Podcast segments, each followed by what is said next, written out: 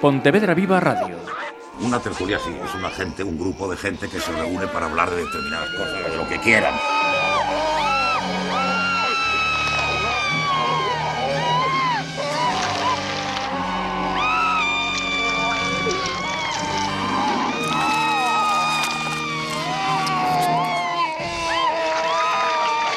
¿Qué tal?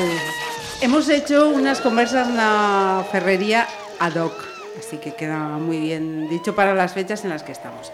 Y hemos querido preguntarnos, em, ¿por qué buscamos el miedo por diversión? Me acompañan cuatro personas en esta mesa que saben muy bien, no sé si en, primera, en segunda o en tercera, eh, qué es esto, por qué se busca el miedo por diversión. Y voy a presentarlos. María José Touceda, que es eh, propietaria de Casa Sueiro en Cuntis. Bienvenida y gracias por acercarte hasta aquí, lo Hola, primero. Hola, hola. Diréis, eh, ¿qué pasa? ¿Que ir a una casa rural da miedo? Hombre, pues, pues no, ¿no? Ir a una No, casa rural no. no. Lo- Lo que da miedo es el espectáculo que vosotros ofrecéis en Casa Sueiro, ¿no? Sí, sí, las veces que se reserva este espectáculo, pues la casa se transforma y se dedica a eso y sí se pasa miedo. Si no, es una casa de turismo rural tranquilo en donde no se pasa miedo. Perfecto. Relacionado con esta iniciativa, con ese espectáculo, eh, nos acompaña Pablo Samartín, que es director de ese espectáculo de terror interactivo, El roce de las alas. ¡Qué miedo me das, Pablo! Bienvenido. Boas noites teñan vostedes. Preguntaránse quen son eu, pois como miña irmá, eu tamén son neto en décimo terceiro grau, da que chamaron Bruja e Meiga de toda a vida. Sí, son neto de María Soliño e o irmán maior de Rosalía, e tamén case o seu pai. Hola, buenas tardes. ¿Me dejas utilizar que esto? Sin nada.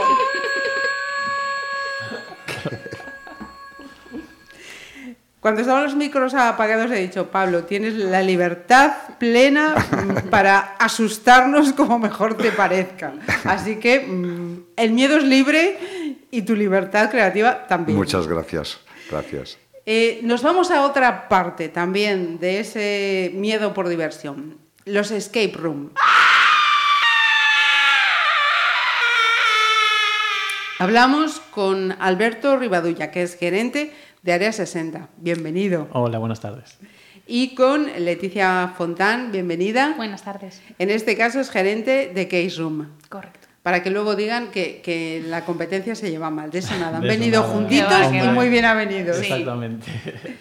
Yo quería preguntaros, así, para ir eh, haciendo ambiente, em, ¿qué es para vosotros el miedo? Venga, el que quiera empezar. Bueno, pues lo que hablamos un poquito antes, yo creo que el miedo también es un estado de, de- de ansiedad, de, de pánico, ¿no? Que puede generar pues algo, algo real o algo irreal. Vamos. O algo muy satisfactorio también, También. porque a mí me encanta, desde que soy pequeño me encanta sentir miedo. Siempre que sea un miedo eh, ficticio, un miedo ficticio. O sea, y, Una- y controlado, ¿no? y controlado, una película, una novela, una obra de teatro, un espectáculo, pero que sepa que, que- Es como cuando vas a un parque de atracciones, que tú te subes a una atracción que puede dar mucho miedo, pero que realmente no te lo da porque sabes que vas totalmente anclado en la atracción. Si eso mismo lo tienes que hacer por tu cuenta y sin anclarte, te mueres de miedo. Claro, entonces, eh, cuando es ficticio y controlado, sí me gusta Ajá. el miedo. O sea, adrenalina. Adrenalina, subidón.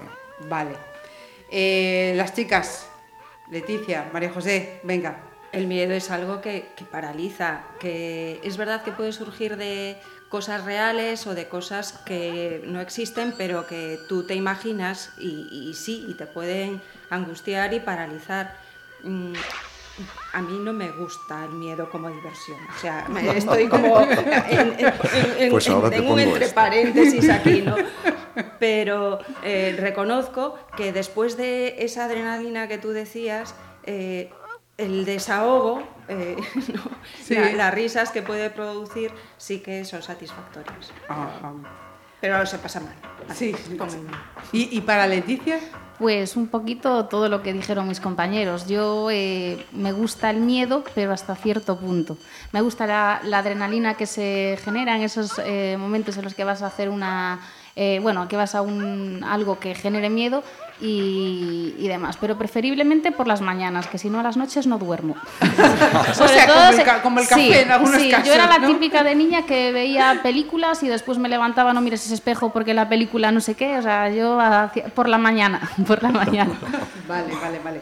Eh, según la RAE, miedo es angustia por un riesgo o daño real o imaginario, como bien hemos dicho, recelo o aprensión que alguien tiene de que le suceda algo contrario a lo que desea.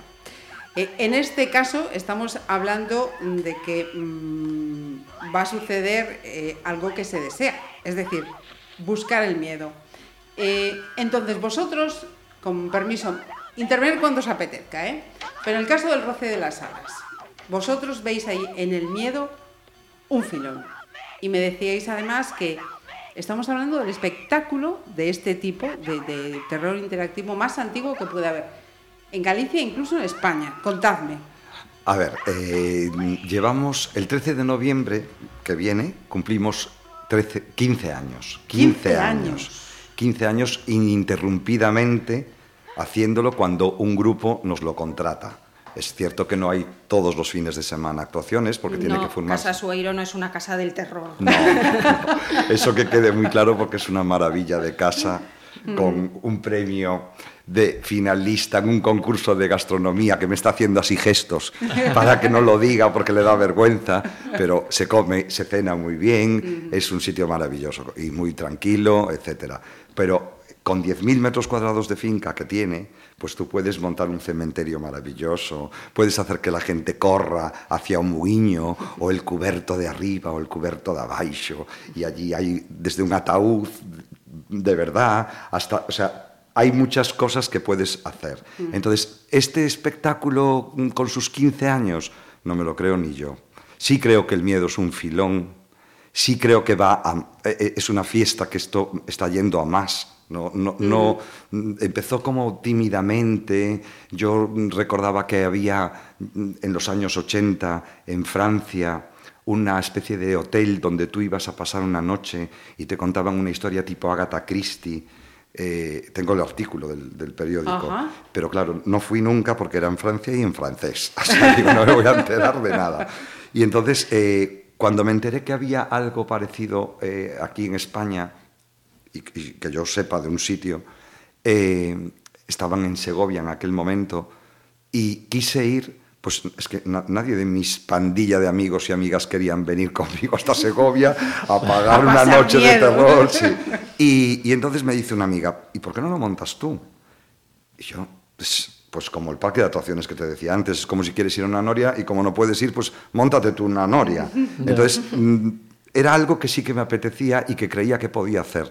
Yo había estado en el Centro Dramático Galego con dos obras, siempre había estado relacionado con el teatro y, y realmente dije, me puse a escribir, yo doy clase en un instituto, me puse a ensayar con unos alumnos mayores de 18 que hicieron un ciclo de actividades físico-deportivas y animación cultural, el TAFAD, y, y hasta hoy estamos, sigo con ellos desde el principio, hay varios que están y, y y la gente yo creo que se queda encantada y que repiten y tripiten. Mira, te voy a decir una frase de una persona que estuvo en este espectáculo. Me decía, mira que es que pasas un miedo de acojonarte. Mira, yo... Depende eh, de las personas, sí. no todo el mundo. Sí, a mí me da rabia a veces cuando me dicen, eh, pues yo creí que iba a dar más miedo. Eso me lo dicen muchas veces. Y, y yo también lo creo. Pero es que si te cuento cuántas veces ha llorado gente de miedo, eh, si te cuento como en una despedida de soltera, de solteros, eran, era una despedida mixta, estaban los dos. De repente, con la primera escena, se levantó una amiga de la novia y nos dijo, por favor, no sigáis. Y yo, pero ¿cómo no sigáis? Por favor, que lo tenéis pagado y, y- y- y lo vamos a cobrar igual, etcétera. Y dijo, por favor, por favor, por favor, y que no siguiésemos. Entonces, el umbral de miedo Sí. de la gente es muy diferente. Hay gente que, los tíos muchas veces, y esto no me gusta decir los tíos, pero aunque tengan miedo, muchas veces se te cuadran y no va a haber manera de que su virilidad se quede ahí como, como averiada porque si tienen miedo. Y, y a veces las chicas dais gritos por todas las esquinas sin que hagamos nosotros nada. A veces. Es una, mera, es una manera de ahuyentar el miedo, ¿eh? Sí. puede ser lo, del- lo del grito. María José, tú eh, como espectadora, ¿lo has vivido alguna vez? Mm, Estoy allí cada vez que se organiza en la ¿Como, parte integrante del ver, espectáculo? No, o... no, no, no. Eh, yo no, no actúo, pero claro, eh, la cena, eh, el comedor, la casa, estoy por allí, pero mm, sin participar en, Ajá. en la obra. ¿Y esas caritas? ¿Cómo son esas caritas? A veces eh, no las veo, pero sí oigo. Oigo no solo gritos, eh, sino oigo muchas risas. Ajá. Oigo gritos y oigo muchas risas. La gente se lo pasa muy bien. Oigo Sí. más risas que gritos. Sí, porque además después de un susto, lo normal es que te acabes riendo de, de- de lo ridículo que a veces resulta que te hayas asustado por un sonido, por depende, por un, un grito, un- una aparición repentina. Ajá. Y Eh, eso sí, durante sí. la cena a veces no pasa nada, pero basta Está que, esa tensión. que pas- salga alguien a, a- algo al comedor y ya, "Ah, eh, ta, eh, no, no- no es una cena tranquila, Sí, aunque sí, no estás pase con nada nervios la cena porque parece que va a pasar algo y no. y- y- Eso forma parte ya del espectáculo, cualquier- ¿no? Estar la tensión. Yo me acuerdo una vez en su casa, yo no sé si te acuerdas, que de repente se fue la luz. O sea, estábamos en, ple- en plena actuación, se fue la luz. Una tormenta que te morías desde Ah, fuera. bien, una- un Bueno, elemento estupendo, una tormenta. La gente estaba vamos. encantada, pero a mí no nos funcionaba. La parte de luces, la parte de la máquina de humo, la parte de sonido. Yo estaba a punto de llorar. no Tenía importaba, los truenos estaban Ya igual. daban. la gente estaba, bueno, luego vino, a los 10 minutos o así vino, pero por supuesto que se creían que nosotros habíamos cortado la luz. Pero vamos, yo estaba a punto de llorar, estábamos. Madre mía. Otra forma de pasar miedo, lo- los escape room. En vuestro caso, ¿visteis eso? En el miedo, ese filón de decir, aquí está el negocio. Bueno, eh, realmente eh, en nuestro caso, los escape room, pues eh, el miedo eh, te puede limitar un poco el público. ¿vale? Nosotros lo que, lo que intentamos es abrir un abanico de, de público, aparte es un negocio que está en auge y conociéndose. Y al final, el que le gusta el miedo, le encanta el miedo. Pero al que no le gusta el miedo no quiere ni, ni probarlo. Nosotros, bueno, ya os contará Leti también sus Sí. experiencias de, de gente que te viene a jugar y el 90% la pregunta que te hacen es, ¿da miedo? Hay sustos. Entonces es algo que te puede limitar. Y bueno, nosotros lo que realmente los juegos que tenemos te generan una tensión, un, bueno, una ansiedad, eh, al final es contra, estás jugando contra el tiempo y no sabes realmente qué es lo que te va a aparecer y lo que comentabais antes, a veces también con un simple ruido de algo que se abre hay gritos y después vienen las risas, exactamente. Pero, pero sí es cierto que, que hay escape room, ella de hecho los ha visitado en Barcelona, en Madrid, que sí son salas exclusivamente de miedo. Sí, sí, yo jugué alguna en Barcelona, de, mm, tengo aproximadamente 100, 100 salas jugadas.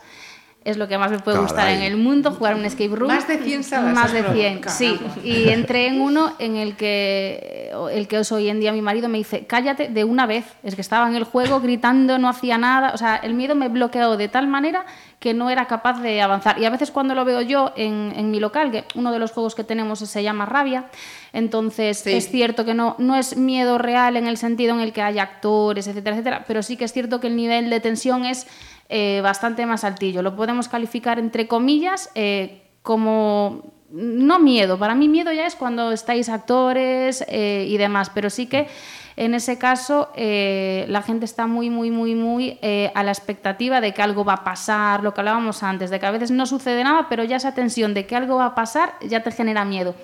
Y, sí es cierto que, que, bueno, los escape room de miedo, miedo son horribles. O sea, de morirte de miedo. Sí, los que yo jugué, por ejemplo, en Barcelona, sí. Yo no fui a ningún escape room de miedo Pues y tengo yo que ir. te recomiendo en Barcelona, hay muchísimos. Yo si quieres después te digo unos cuantos. por favor, no dejes de- Y- de verdad. Pero empieza por uno que no sea de miedo, porque si no vas a decir esto se me da un... Porque... Yo actué en el vídeo que puede haber en la caja diabólica. Sí, uno que, en Vigo, eh, sí. Vale, pues eh, yo hacía de cura y de Ah. payaso asesino. Vale. Pero, eh, mm, pero bueno, como actor, quiero decir Sí. que luego no hice el juego Sí. del escape. Sí, Pero sí, sí. hiciste algún escape, aunque no fuera Sí, de muchos, Vale, muchos, vale, vale. muchos. Sí. Me encantan, los escapes me encantan. Sí, la verdad es que es un mundo muy, muy chulo. Estamos entonces, eh, a medida mm, que estabais eh, hablando del, del nivel, de los grados, esto es como todo, ¿no? Eh, ¿Dónde comienza el miedo? Igual lo que para mí ya es, mm, me, me paralizo, otro es, jaja, a, a ver cuándo empieza esto, ¿no? Claro. Ahí cada uno tiene su, su límite, claro. Mm, lo, que, lo que hablamos, bueno, lo- nosotros, por ejemplo, no sé si a ella también le pasa, eh, muchas veces antes de entrar en la sala hay empujones por a ver quién pasa primero. No, no por querer pasar primero, sino Sí, porque... no, no, pasa tú, tú. pasa tú. sí, Sí, sí, sí, sí, sí. Sí, sí. No, a mí eh, lo que me pasa es lo mismo, que no, no quieren entrar. Y de hecho yo, por ejemplo, en el juego de rabia, que esto no es un spoiler porque se dice antes de entrar, siempre se pide una persona que, que tiene que ser un poquillo más valiente porque tiene una misión especial. Y ahí es que muchas veces tengo que decidirlo yo, porque nadie quiere ser el valiente en este caso. Pero una vez que llega la, la hora de la verdad y, es, y pasa eso, como que es en plan, no, si no vas tú voy yo. O sea, es como, no quiero, es un quiero y no quiero. Y no, Sí, y no- sí, el sí, miedo sí, al sí. final es eso, quiero, quiero vivirlo, pero La después... curiosidad, ¿no? Sí, mejor, justo, yo, yo sí que lo noto, eh, sí que lo noto. Con eso que, que acaba de señalar eh, Leticia me da un paso perfecto a la siguiente pregunta. Eh, ¿cómo, cómo vivimos ese, ese miedo buscado? En solitario y en grupo.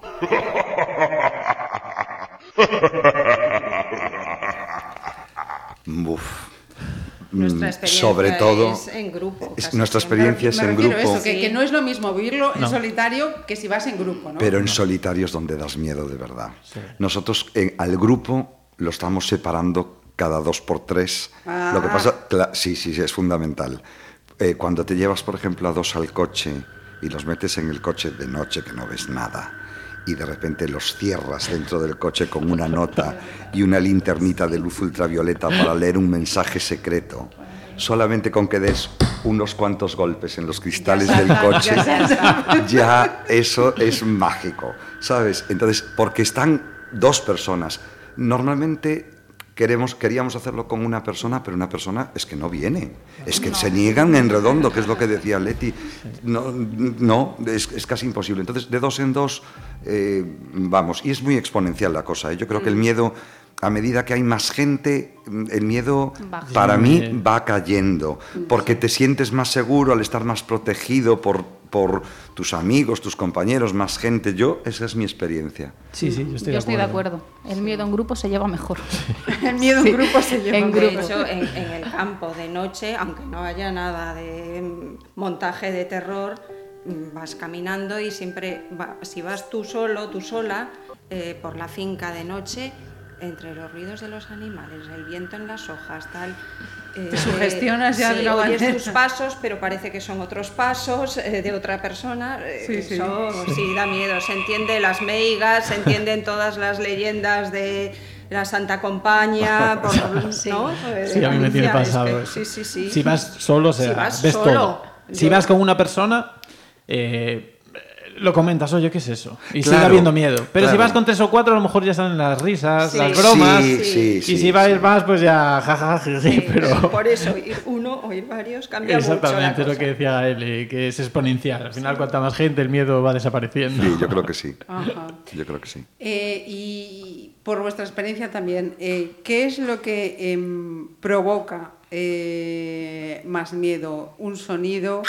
eh, ¿Algo que de repente aparece? eh, ¿La sangre? ¿Un zombie?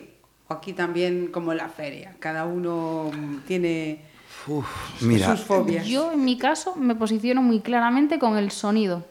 A mí lo que noto yo que más le es angustia puede ser un sonido eh, fuerte en el momento que no se lo espera, eh, pe- pero para mí el sonido es súper importante Sí. para generar miedo. Para mí creo que es lo más importante y de hecho en los juegos yo que hice de miedo en donde más acojone había en el grupo era cuando te metían un buen sonido de, a lo mejor solo era un simple sonido de que algo se cayó y que se cayó. Eh, Para mí el sonido es súper importante. Algo Sí. que se cae, ni siquiera un grito Sí, o un... o sí. cualquier, cualquier Un golpe, detalle. mejor, sí, o- sí, yo creo que con el sonido se puede conseguir muchísimo miedo. Con, con la ansiedad de la persona eh, predispuesta al miedo y un buen sonido, yo creo que, que es la clave, desde mi punto de vista. Estoy de acuerdo, estoy de acuerdo. El sonido, eh, hombre, una buena aparición. Sí, bueno, Una claro. buena aparición. Una buena aparición con unos efectos buenos, seguro que es espectacular, pero... Pero, y, y acompañado del sonido correspondiente, sí, pero, pero sí que el sonido es muy importante.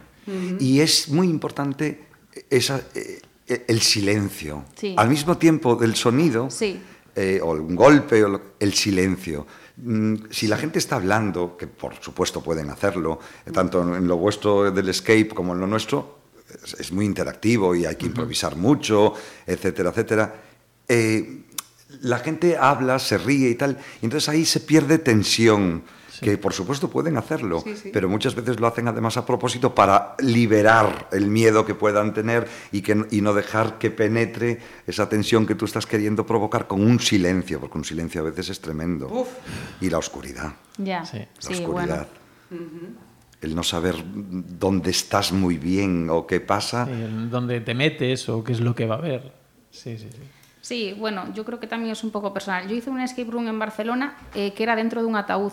Entonces te pasabas eh, de 30 una- minutos dentro de un ataúd y decían que era como... Catalepsia. eh, sí, catalepsia. Era que de- decían como que era el juego eh, más angustioso. A mí, eh, mm, de primeras, no me generó nada de angustia. Sin embargo, hay muchísima gente que viene a un escape room y te pregunta qué dimensión tiene la habitación, porque me agobia muchísimo, Sí. me da pánico estar en un sitio cerrado. Entonces yo creo que volvemos a lo de antes. Cada persona es un mundo y hay gente que es más receptiva a unos tipos de miedo que a otros. Y ya os digo, yo me pasé 60 minutos dentro de un ataúd y porque el juego estaba muy chulo. Si no, nada, hubiese dormido igual. o sea, sin problema. Sin problema. Leticia, Pero estabas te voy a hacer encerrada. la ola.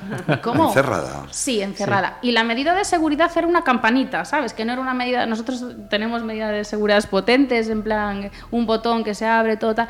La medida de seguridad aquí era una campanita que la tocabas y ya te venían a. Eso es a- pero era, era un juego, o sea, eh, antes de ir a, a jugar, escribías, hacías tu propia esquela.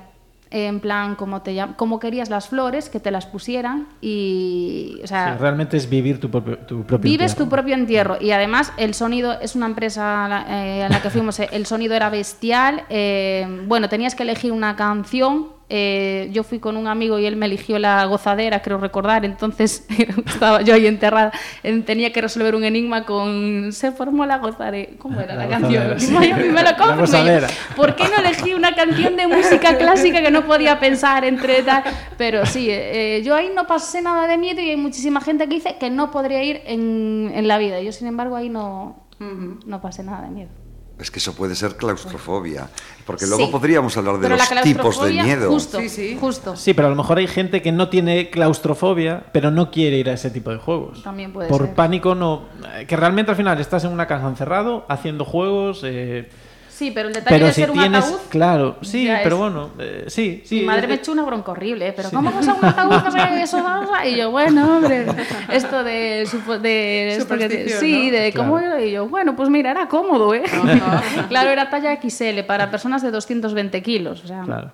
tenía margen, un poco de margen no tenía. sí. Em, eh, estas cositas que tenemos aquí, arañitas y bichitos varios, ¿también se, se utilizan, los utilizáis en... Sí, sí, sí, sí, sí. Mira, nosotros tenemos uno de los montajes donde, donde también le hacemos apuntar a la gente cuál sería su peor pesadilla. Y ahí mm, las respuestas son muy variadas, pero tengo, te juro que tengo todas las tarjetitas que se han hecho desde, el primer, desde la primera actuación hasta ahora, y es muy, muy recurrente el tema de las arañas. Que yo alucino, porque a mí una araña es que no me da nada de miedo. Vamos, si, si es peluda de esas gordas de una tarántula. Pero quiero decirte que pues mucha gente pone lo de las arañas. Le- eh, es casi de lo que más ponen. Las arañas, la oscuridad lo pone mucho la gente. Y La, la casa rural se transforma cuando hay eh, El espectáculo del roce. Claro, hay toda una decoración que montan Pablo y su equipo no solo con arañitas, con muchas otras cosas, con muchos juguetitos. Sí, porque a otra gente le- lo que le da miedo son las serpientecillas, a otros no sé qué. Entonces intentamos ver los miedos de la gente y ponerle algo. Sí, nosotros, por ejemplo, en nuestra sala egipcia sí tenemos ya eh, de decoración pues alguna arañita, alguna serpiente que se encuentran y Claro, siempre claro. hay algún grito, siempre. Cuando se ve una araña o se ve la serpiente, siempre hay algún grito. Bueno, yo tengo zombies. Sí, sí, la madre que echó a los zombies, te lo aseguro, te lo aseguro. Em, tipos de miedo que apuntaba Pablo, efectivamente. Pues eso, lo que estábamos diciendo, por ejemplo, una, claustrofobia, puede ser una fobia, puede ser un- una angustia. Cuando antes decías la definición de miedo, pues ahí tenemos una angustia, pues una angustia a un espacio cerrado.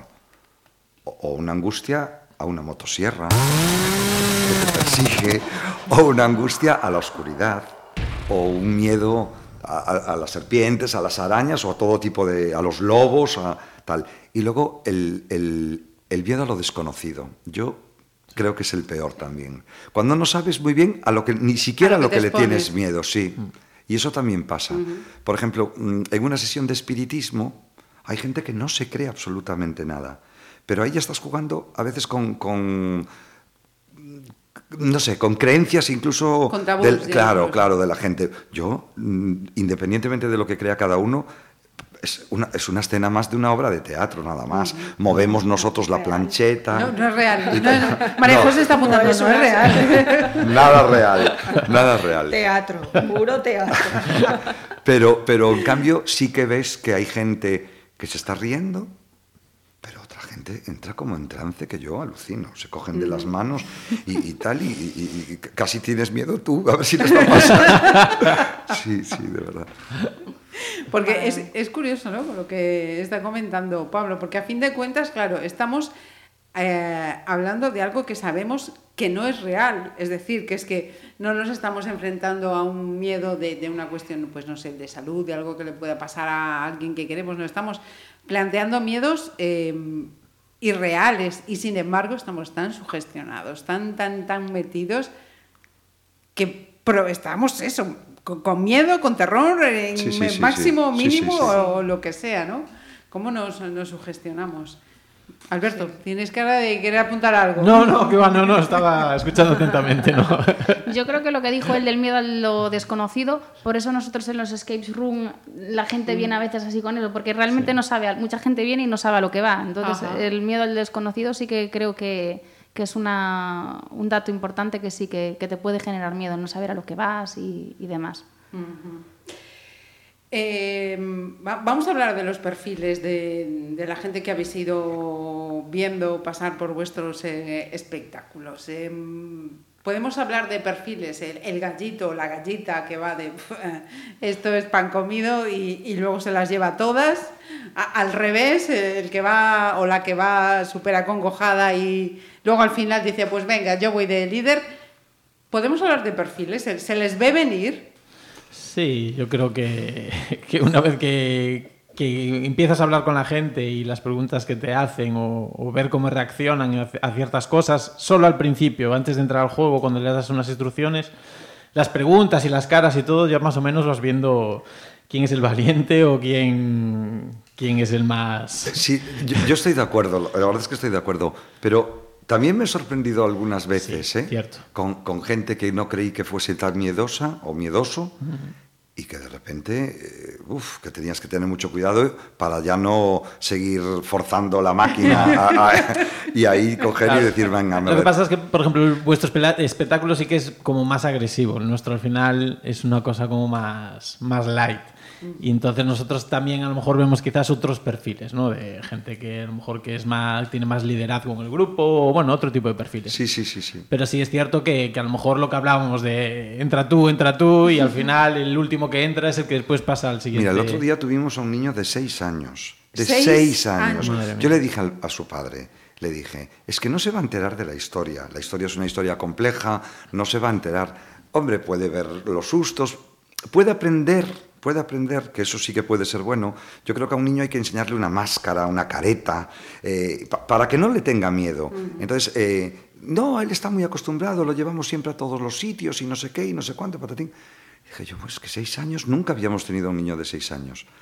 Claro, en algunos momentos tuvo miedo, Eh, pero, pero en otros momentos En- en era bastante... algunos momentos. En algunos No en momentos, lo todos, digo porque no en en otros todos. estaba... No, no, no, no. Y, y- y alucino, porque ya pues lo que decía antes. En cambio, algunas veces te suspenden el montaje cuando está ya empezado porque se mueren de miedos. Que y ahí tú- yo no tenía ni idea, vamos, ni idea. Claro, es que es difícil gestionarlo, eh, lo, lo que decías tú, porque depende de cada persona, eh, tiene eso, un nivel de miedo que uno es muy alto, otro es muy bajo. Es lo que dices tú, hay gente que te dice eh, que al final no me dio tanto miedo y otras que ya en el primer minuto están llorando. Sí, sí, O sea, sí. es algo... Y, y hay veces que cuando viene un, un grupo, parte del grupo sabe a lo que viene y parte no. Sí, Entonces, sí. entran como, ¿y Ajá. esto qué es? ¿Y, mm, eh, ¿Qué va a pasar? Pero Claro, ¿qué, qué se, pre- qué se pregunta? Eh, ¿va, va a haber eh, zombies? Eh, ¿Va a haber... eh, que- ¿Os preguntan eso? Y en, am- en ambos casos, ¿eh? Mm, a ver, cuando llegan a la casa, eh, desde el primer momento es ya la, la actividad. Entonces, aunque pregunten, no damos información, Ajá. porque tienen que ir viviéndolo desde Claro. el primer momento. Aquí no, hay aviso a navegantes. No, no, te no. expones, te expones. Y- No, yo tampoco doy información de lo que hay dentro. No. Pero pregúntanos, preguntan, mira, Sí, va, sí. va a haber... Hay tal, gente dentro, mira que yo me cago de miedo, va a haber actores, no sé qué, y yo le digo simplemente eh, déjate llevar y lo que vaya surgiendo surge. Y es eh, ese punto en el que eh, estás eh, con la incertidumbre de lo que va a haber, yo creo que es eso realmente ya lo que le genera el propio miedo, que abren cualquier cosilla, cualquier cajón, cualquier cosa y ya están a la expectativa de que algo va a pasar. Y al final eso es, son 60 minutos de miedo y a lo mejor en no se dio ni un solo susto, que no es el caso, ¿no? Pero imagínate, no se da ni un solo susto, pero todos los 60 minutos con la tensión de algo va a pasar, ya son 60 minutos de tensión y 60 minutos de miedo. Para muchos, miedo de máximo y para otros, pues mm, al final no fue nada de miedo, depende un poquillo de, de la persona. Ajá. Eh, em, tenía aquí anotado eh, eh, situaciones que recordéis en, eh, en este tiempo que lleváis, así situaciones que se os hayan quedado en la cabeza. Si recuerdo alguien que reaccionó tal, alguien que dijo por favor me quiero ir de aquí, ese botón del pánico, tenéis un botón Sí, del pánico, ¿no? sí. En caso de que Mm, En nuestro caso, el botón del pánico fue usado, pero no por miedo, sino por. O sea, no, bueno, que sí, podríamos decir que es un tipo de miedo. Por angustia de estar encerrado, podemos decir que es un tipo de miedo. Pero por el miedo eh, de angustia de estar encerrado. Y hay gente que viene que es claustrofóbica y aún así viene.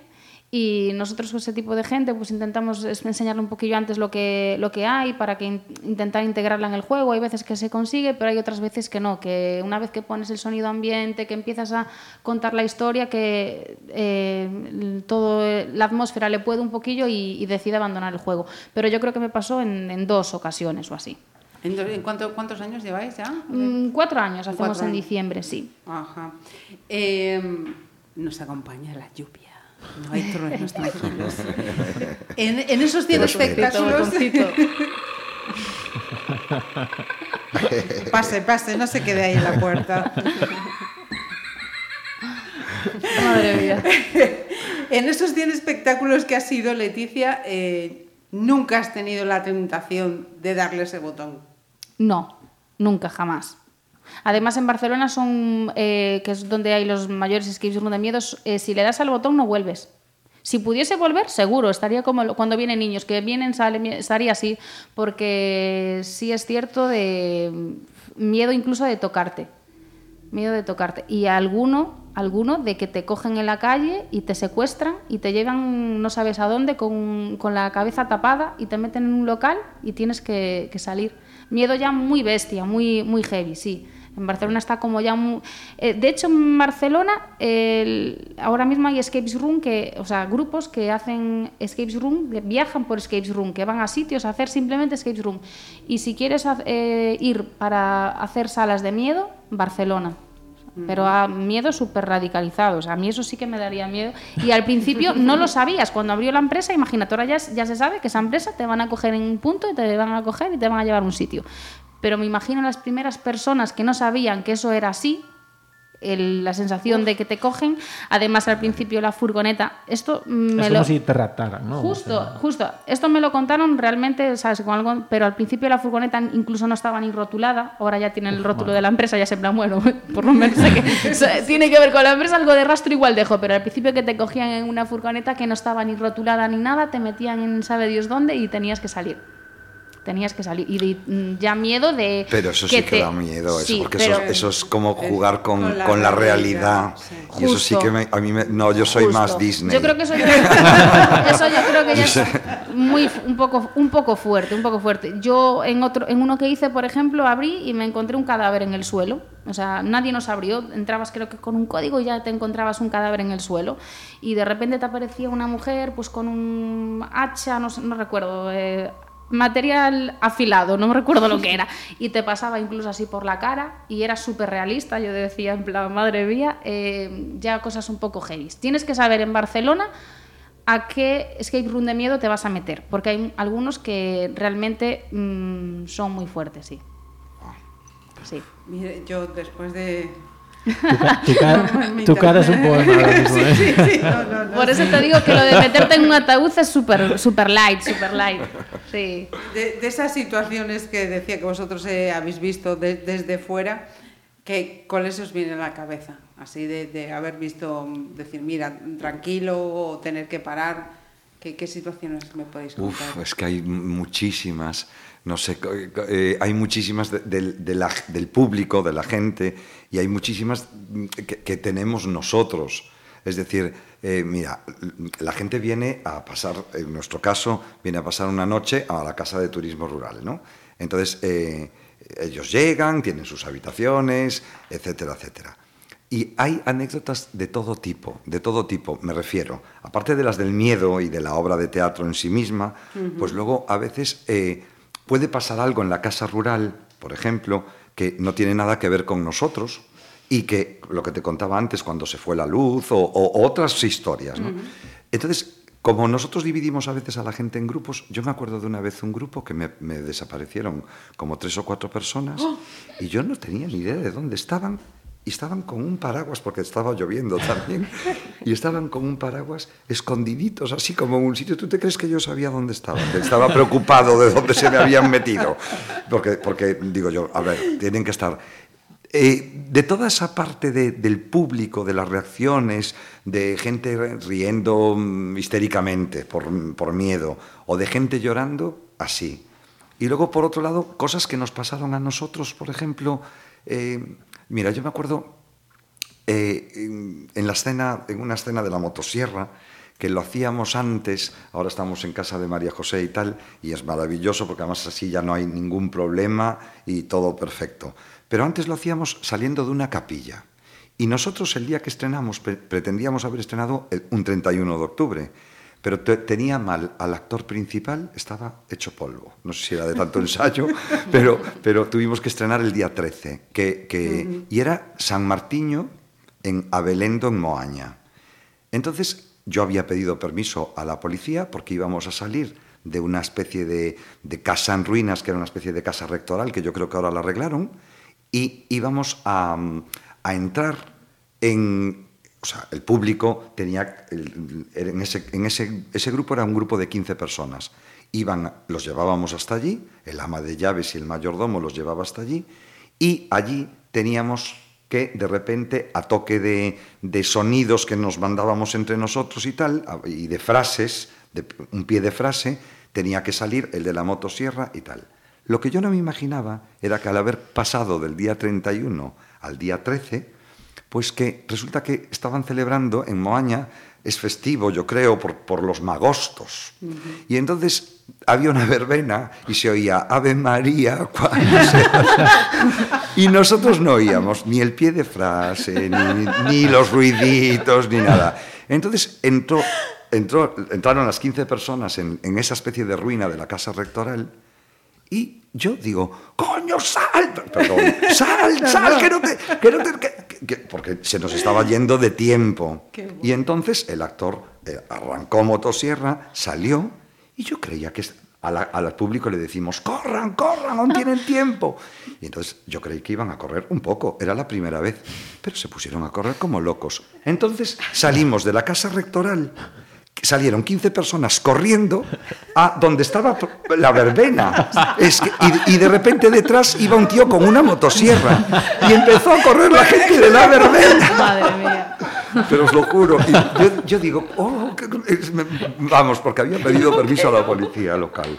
A todo esto, Bi- Bisbal de fondo seguía, Sí, sí, ¿no? sí, Bisbal de fondo. La orquesta no paró, Claro, no, no se fue. Pero claro, tú ves, tú ves de repente a, a un pirao que, que- que- y a 15 corriendo como locos y dices, yo también corro por si acaso. Te lo juro. sí. O sea, esto pudo ser una cuestión de orden público, vamos, básicamente. Yo digo, "Es- esto que no vuelva a suceder nunca más, nunca más. Madre mía. Alberto, ¿y vosotros que mm, cuando veis desde esas pantallitas, qué cosas te vienen a la cabeza? Bueno, pues la verdad, eh, eh, todo es diferente. Es decir, al final estás viendo en teoría lo mismo, una pantalla con un grupo de personas en una misma sala, haciendo los mismos acertijos y enigmas que todos, pero siempre es, cada grupo es diferente. Cada reacción, cada, cada forma de pensar, cada forma de utilizar las cosas. Y, ahí te sorprende un poco eso, ¿no? La, la mente de cada persona. Y hay grupos, pues lo que hablamos ahora un poco del miedo, que entran tan tranquilos a hacer una experiencia y otros que están todo el rato en tensión. Si hay un ruido, gritan. Si el otro día nos pasó que, bueno, eh, colocaron unas piezas encima de, bueno, pues, de un material. Una de esas piezas se cayó, estaba, la dejaron en el borde, se cayó, pegaron un grito, se pusieron todos en una esquina y dijeron, alguien entró, alguien dio una patada ahí, alguien hizo algo. O sea, es todo, es, sí, Sí. es todo psicológico. Alberto, te mereces esto. ¿Y, y llanto? ¿Esa reacción del llanto de, de- después del miedo? Alguna vez, alguna vez. Sí que mm, pasa alguna vez. al- mm, Tú te acordarás más, una chica que a mitad del espectáculo se tuvo que ir y no paraba de llorar.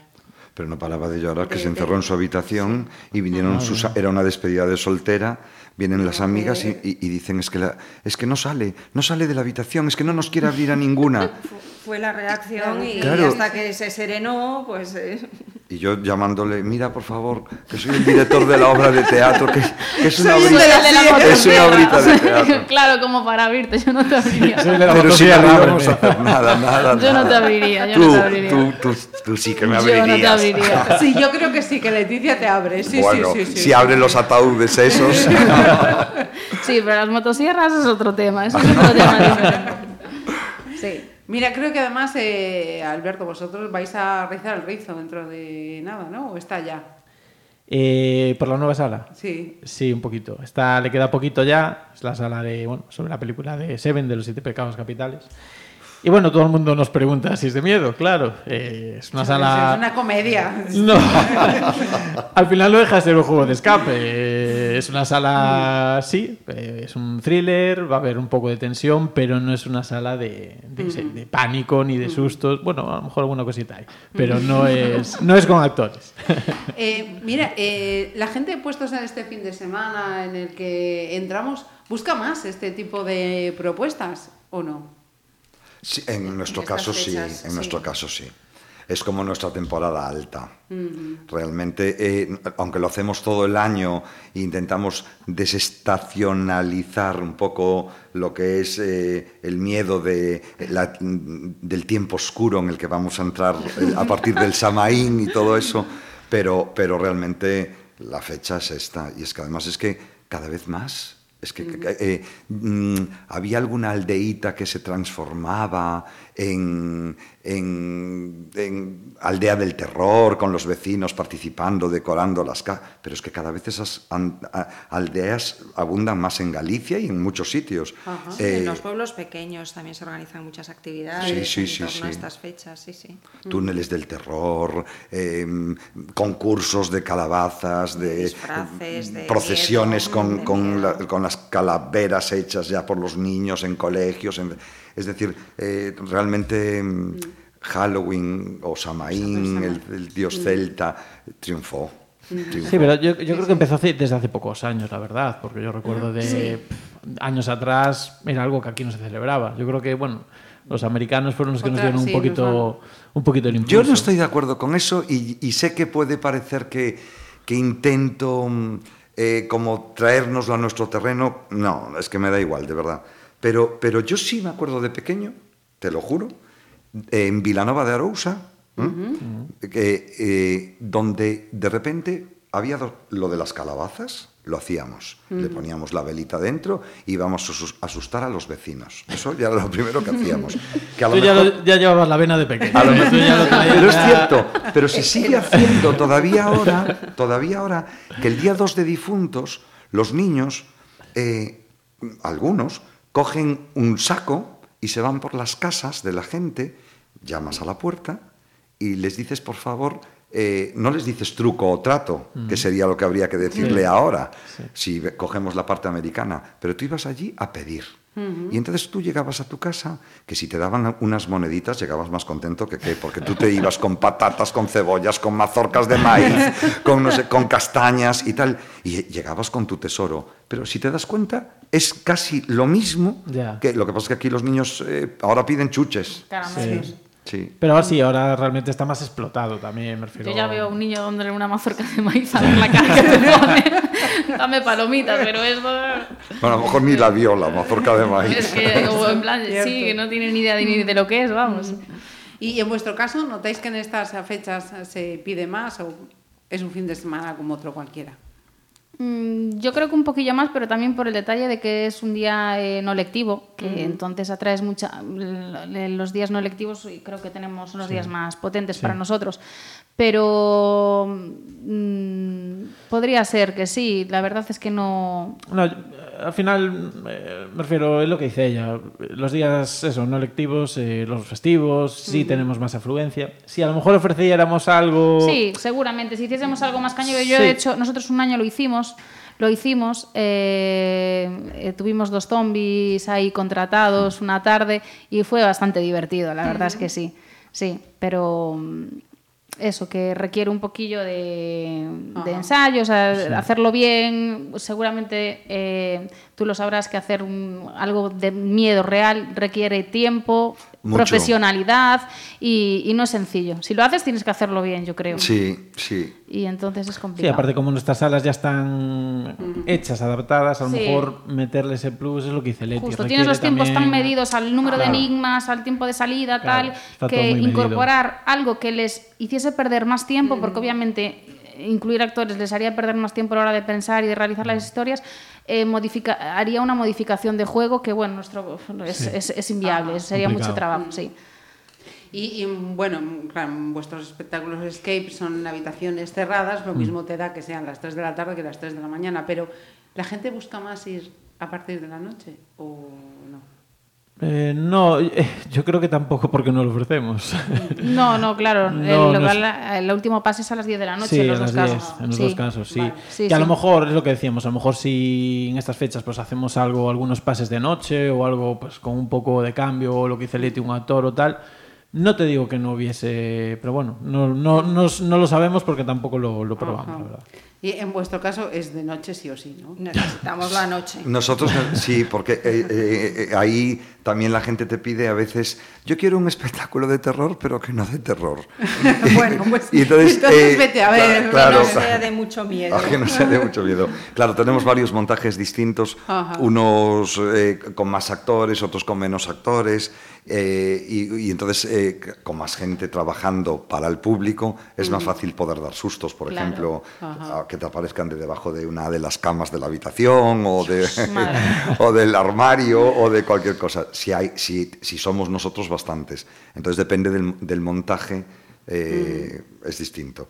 Pero vamos, no sé qué... qué- Parte nocturna hay Sí, en es- todos. Siempre, Aunque siempre, hay alguno siempre. que dura también Claro, ocupa es- más tiempo, es que- de día y tal, pero... que es lo que iba a decir, que, que a veces mm, mm, por algún grupo concreto nos piden cambio de hora. Nosotros tenemos unas horas que ya después de darle muchas vueltas, etcétera, etcétera, ya consideras que son las mejores horas para que se lleve a cabo.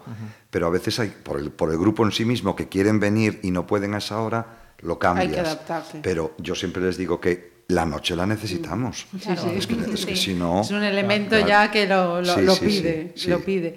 ¿Y eh, qué tipo de público? ¿Son gente de aquí de Galicia? ¿Os vienen de fuera ya traídos? ¿Hay algún sitio que casualmente, pues mira, es que resulta que pues, de Barcelona, Sí. que son tal, ya vienen buscando este tipo de historias? La mayor parte es gente de Galicia. También han venido personas o sueltas o grupos de fuera de Galicia, de Madrid, de Asturias, Asturias, mucho, sí. del País Vasco. Pero la mayor parte de otras zonas de Galicia, eso sí, de todo Galicia. Hay épocas que parece que de Orense, viene mucha gente de Orense, no sé, porque a lo mejor ha venido boca alguien, boca. ha contado tal, y luego otros que quieren venir, o eh, zona de Coruña, depende. de Yo creo que de Coruña, fíjate, yo creo que de La Coruña- Vigo, de todo. Sí. Sí, no. sí. Porque, porque eh, eh, dentro de, de alguno de los montajes nuestros eh, también tienes que coger el coche y aunque las distancias son cortitas de tres kilómetros hacia aquí, tres kilómetros hacia allá, etcétera, eh, vas haciendo turismo. Y, por ejemplo, cuatro de los sitios a los que hay que ir a investigar dentro de la investigación de terror son sitios que salen en la guía Repsol 2010 como sitios turísticos de la zona. Y son, eh, bueno, pues hay un, un Via Crucis, hay unos petroglifos, hay un Castro Celta de Castro Landín, hay, bueno, una de las veces, eh, hablando de anécdotas, también me acuerdo de que tenían que ir a la... Bueno, no, lo, no voy a hacer spoiler, tenían que ir a un sitio. Y entonces, eh, de repente, no lo encontraban, yo no sé, se despistaron, no sé qué pasaba.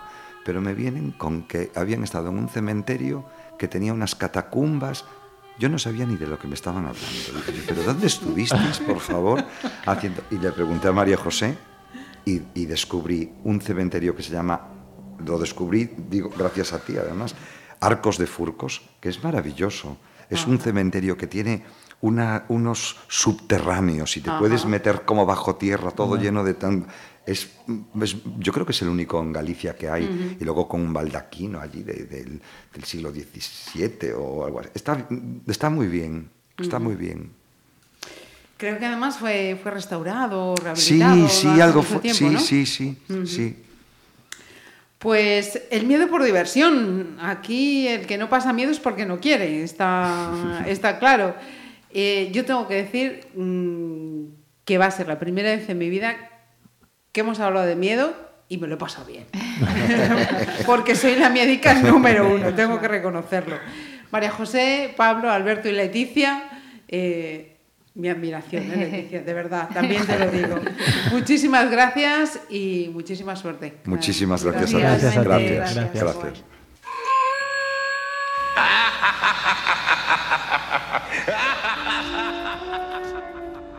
Abogado, ¿estás ahí? Abogado. Sal ratita, quiero verte la colita.